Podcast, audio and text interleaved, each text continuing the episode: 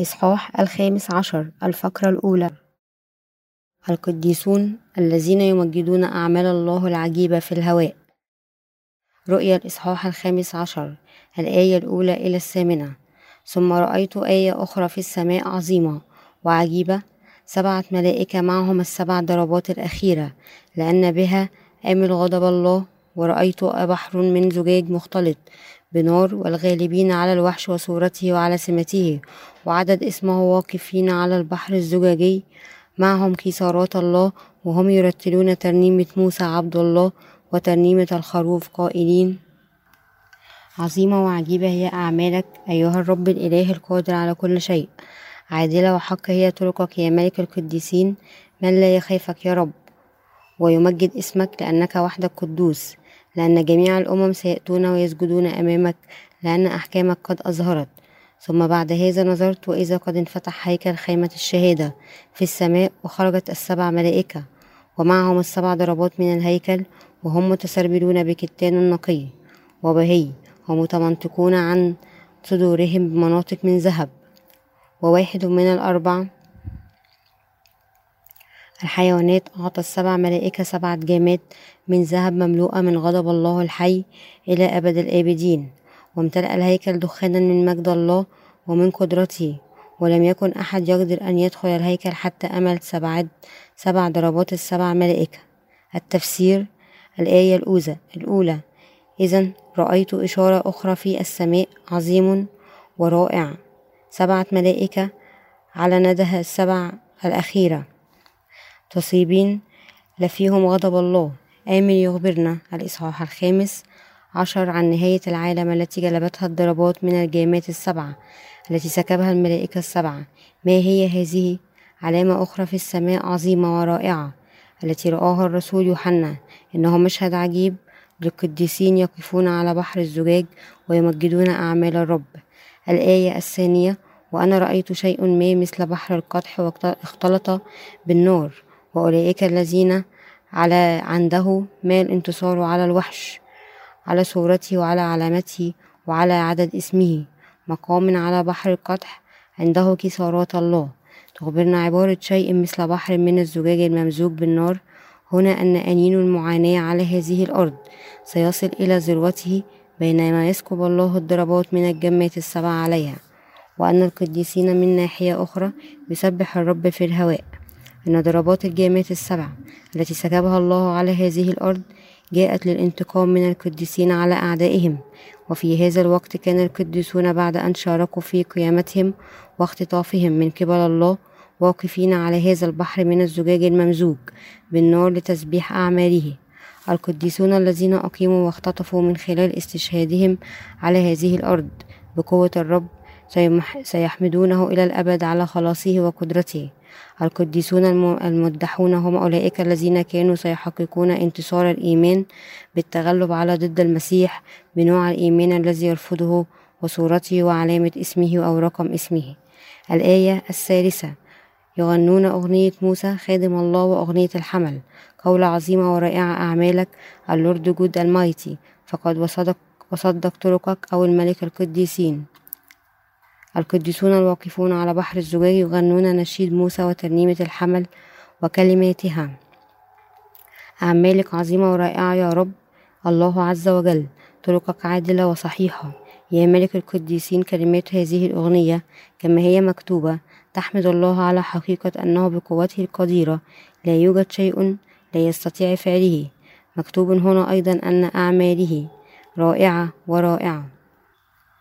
وكلمة رائعة هنا تعني شيئا عظيما لدرجة أن الكلمات لا تستطيع التعبير عنه إنه ببساطة أمر رائع ورائع وبمعنى آخر أن ربنا الله قد خلص من خلال إنجيل الماء والروح جميع قديسي العهد القديم والعهد الجديد من كل أساميهم وجعلهم بلا خطية. واسمح لهؤلاء القديسين الذين خلصوا من خلال إيمانهم أن يمدحوا الرب في الهواء بإقامتهم من موتهم من الجسد. ورفعهم إلى الهواء. هؤلاء القديسون يسبحون الرب الإله لأنه مخلصهم وربهم والقادر على كل شيء. هل تؤمن حقا أن الرب الإله قد خلق الكون وكل ما فيه بما فيهم أنت وأنا؟ وأنه حقا ربنا فقد أولئك الذين يؤمنون بهذه الحقيقة يمكنهم أن يؤمنوا بإنجيل الماء والروح اللذين أعطاهما الرب. أولئك الذين لديهم هذا الإيمان هم أولئك الذين لديهم صدق الإيمان. يجب على المسيحيين أن يعرفوا ويؤمنوا بأن يسوع هو الخالق الذي خلق الكون كله وكل ما فيه وعليهم أن يحمدوا الرب الإله ويعبدوه بمعرفة أعماله والإيمان بها. عظيم ورائع أعمالك يا رب الله القدير. يظهر مدح الإيمان الحقيقي للقديسين المولودين من جديد والذين يغنون نشيد موسى وترنيمة الحمل. هل تؤمن أن الرب يسوع هو الله القدير؟ أولئك الذين يؤمنون بأن يسوع هو الله نفسه الذي خلق الكون كله يؤمنون أيضا أن الرب أتى إلى هذه الأرض في جسد إنسان وأنه في سن الثلاثين تعمد من قبل يوحنا ليحمل خطايا البشرية في جميع الأوقات مرة وأنه نزف ومات على الصليب وقام من بين الأموات من خلال إيمانهم ينالون مغفرة الخطية ويصبحون قديسين. أولئك الذين يعرفون هذه الحقيقة ولديهم إيمان حقيقي بها. يمكن بالفعل وصفهم بأنهم أهل الإيمان العظيم. يقول المقطع هنا أن القديسين المختطفين يمدحون الله في الهواء. قائلين أعمالك عظيمة ورائعة. كانوا يمدحون الرب الإله بمعنى آخر لأنه خلق الكون والبشرية وخلاصه للخطاة على هذه الأرض. من خلال تطهير كل آثامهم دفعة واحدة بمعمودية الرب التي تلقوها من يوحنا ومنحهم الحق في أصبحوا أبناء الله وكل ذلك من خلال إنجيل الماء والروح الذين أعطاهم الرب أن يشارك القديسون في استشهادهم من أجل المسيح وقيامتهم ونشوة حياتهم الأبدية. كل هذه بركات منحها الله يجب على جميع القديسين أن يمدحوا الله بحمدهم الذي يكشف كل مجده لجميع الأعمال الصالحة التي قام بها الرب للخطاة. أي لإخفاء جميع الذنوب وكذلك لجميع الأعمال الأخرى التي قام بها أثناء عمله. هذه الأرض يغني القديسون ترنيمة موسى وترنيمة الحمل في الهواء. إنهم يسبحون الرب ويغنون ما أعظم ورائع ما فعله الرب القدير للخطاة وأعدائه. حقا ما فعله الرب للقديسين ولكل الذين يقفون ضده ليس رائعا بالنسبة لنا فحسب بل إنه رائع أيضا. كان قصد الله في خلق هذا العالم أن يجعل البشر شعبه. وعلى هذا النحو فإن جميع أعماله التي قام بها للبشرية تظهر أمامنا على أنها رائعة ورائعة. نعطي المجد لله بالإيمان بكل ما فعله من أجلنا ونحمده بالإيمان بجميع أعماله. كما أن الله خلق الإنسان على صوره هو أمر رائع أيضا. أنه أعطى شريعته للجميع وأنه عمل من خلال العذراء مريم لإرسال يسوع إلى هذه الأرض. فهذا أمر رائع أيضا أمام أعيننا. لكننا نؤمن في نفس الوقت أن كل هذه الأعمال تمت كوسيلة لإنقاذ الخطاة من خطاياهم ومن المدهش أيضا حقيقة أن الرب إلهنا قد نقل كل ذنوب العالم إلى جسد يسوع المسيح دفعة واحدة من خلال قبوله لمعمودية يوحنا حتى يتمكن من جعل كل خطية البشرية تختفي تماما وبشكل كامل. بعد أن خطط كل هذه الأشياء سيحققها الله جميعا وفقا لذلك عندما يحين الوقت. تحولت أعمال الرب التي تمجد القديسين وتسبيح الله إلى بركات عظيمة في قلوبنا. نشكر الرب على حقيقة أنه سينتقم من خصومه بقوته القادرة من خلال ضربات الجامات السبع وننعم به لأن كل أعمال الرب الإله تظهر أمام عي أعين القديسين كشيء يتجاوز حدودهم فإنهم يسبحونه لذلك يسبحون الرب على قدرته المطلقة. وأعماله الرائعة وقدرته. يستحق ربنا إلهنا أن ينال كل المديح ليس فقط من كل البشر ولكن من كل خليقة في الكون. الحمد لله. أولئك الذين عرفوا واختبروا وشهدوا بأعينهم ما فعله ربنا الله لهم. لا يسعهم إلا أن يمدحوه على قوته القديرة وحكمته الكاملة وبره ودينونته العادلة التي لا تتغير أبدا وحبه الأبدي الثابت. على هذا النحو يحمد القديسون الرب. الإله إلى الأبد على جميع الأعمال التي قام بها من أجلهم. من أجل صلاحه وعظمته يستحق ربنا إلهنا أن ينال المديح من كل شيء في الكون لأن جميع أعماله لا يمكن تحقيقها إلا بقوته القديرة. الحمد لله أحمد الرب على قوته وعلى حبه الأبدي الثابت والمبارك. الآية الرابعة الذي لن الذي لن يخافك أو اللورد ويمجد اسمك. لك وحيد مقدس لكل الأمم سيجيء ويعبد أمامكم لأحكامك أظهر يتغنى القديسون في الهواء بأفواههم بمدح أعمال الرب. من لا يخافك يا رب ويمجد اسمك. هذا مدح مليء بالقناعة والإيمان. يعلن بثقة أنه لا يمكن لأحد أن يقف ضد مجد الرب الإله وأنه لا يمكن لأحد أن يجرؤ على منعه من تلقي المديح. من يقف أمام اسم الرب بلا خوف لا يوجد أحد ولا شيء في هذا العالم في كل الكون وفي كل المجالات الأبدية يمكن أن يقف ضد ربنا إلهنا ويتغلب عليه لأن يسوع هو ملك الملوك والله القدير. كل الأشياء في هذا العالم لا يسعهم إلا أن يرتجفوا خوفا. أمام اسم يسوع المسيح قوة الرب الإله القدير وحقيقته لأن قوة الرب الإله عظيمة بلا حدود ولأنه حقيقي وكامل. فإن جميع المخلوقات تشكر وتمجد اسم الرب. يجب أن يكون لكل فرد قلب يتقي الله وكل الأشياء في الكون يجب أن تمدح اسم ربنا. لماذا؟ لأن ربنا قدوس وقد خلص البشرية جمعاء من كل اسمهم. لأن ضربات الجامات السبعة التي سيسكبها الرب على ضد المسيح فإن أتباعه ورجال دينه الذين يعيشون على هذه الأرض ستظهر بره لا يسعنا إلا أن نمدحه. لأن عدل الرب البار قد كشف من خلال الضربات العظيمة للسبع جامات فإن ربنا إلهنا مستحق أن ينال المجد والتسبيح والعبادة من جميع الكائنات الحية. من ذا الذي يجرؤ على ألا يخاف اسم الرب ليس ربنا مخلوقا إلا الرب الإله القدير. من خلال سكب الضربات المخيفة من الجامات السبع على كل أولئك الذين يقفون ضده يجعل الرب الإله ببساطة أمرا لا مفر منه أن تمدحه جميع مخلوقاته أمام جلالته وقوته. لأن جميع الأمم يأتون ويسجدون أمامك لأن أحكامك قد ظهرت. لذلك يجب أن ندرك أنه لا يمكن لأي شخص يقف ضد اسم الرب ويجدف عليه أن يعيش في سعادة. إنما الركوع أمام اسم الرب والإيمان به والشكر والحمد له على سموه وقدرته المطلقة ورحمته وخلاصه العظيم ومحبته. هي العبادة التي تليق باسمه. لذلك يجب أن تؤمن جميع المخلوقات بما فعله الرب أثناء وجوده على هذه الأرض ويسبحونه ويعبدونه. ربنا مستحق أن ينال الثناء من كل الناس وكل الأمم. آمين. الحمد لله.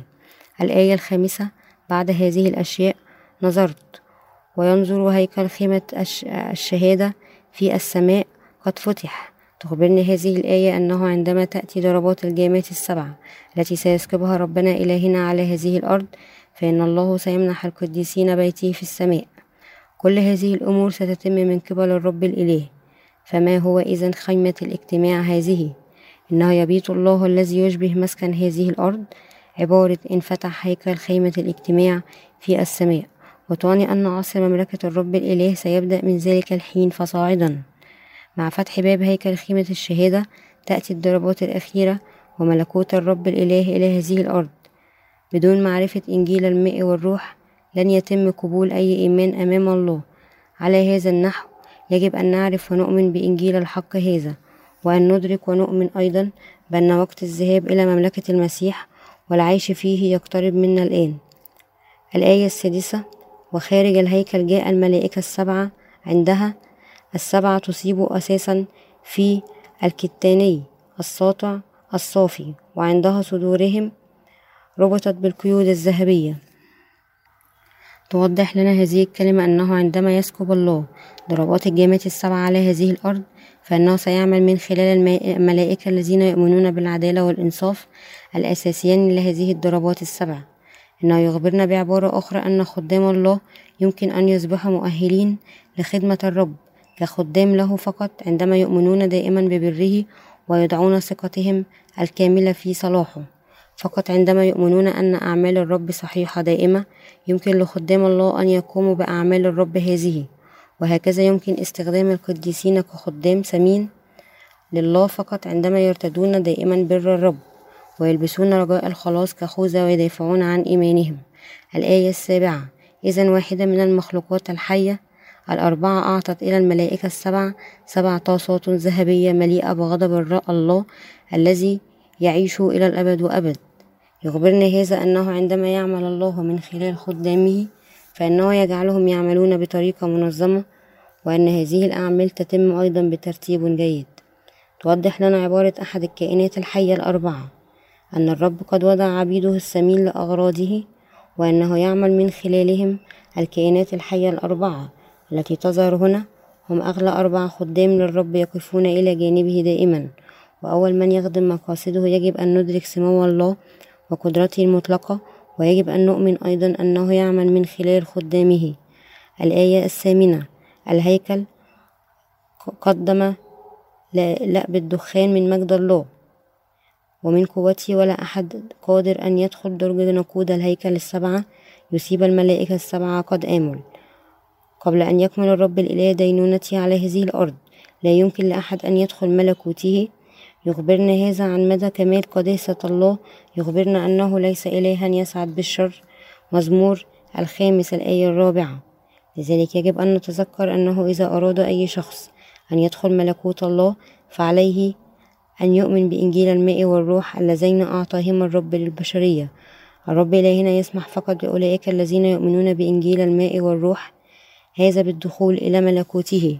لقد منح الله القديسين الذين نالوا مغفرة الخطية بركة العيش إلى الأبد في مملكته بعد أن دمر أعدائه بسكب ضربات الجامات السبع تصل جميع أعمال الله إلى ما هو أبعد من خيال الإنسان وتكشف عن عظمته وتفوقه من خلال إدانة أعدائه يظهر الله قدرته المطلقة لو لم يكن لدي الله القوة لمعاقبة أعدائه على خطاياهم في الوقوف ضده لما كان قادرا على تلقي المديح من الجميع ولكن بما أن الله لديه أكثر من القوة الكافية لمعاقبة أولئك الذين يقفون ضده فإن الرب الإله سيحكم على أعدائه ويدونهم بعقوبة الجحيم الأبدي. ربنا إله أكثر من يستحق الثناء إلى الأبد من كل شعب من كل أمة. وهكذا يكمل الله دينونته على الأعداء بكل ذنوبهم ويفتح مملكته. آمين. نشكر ربنا الله على قوته العظيمة مجده وقدسته الحمد لله.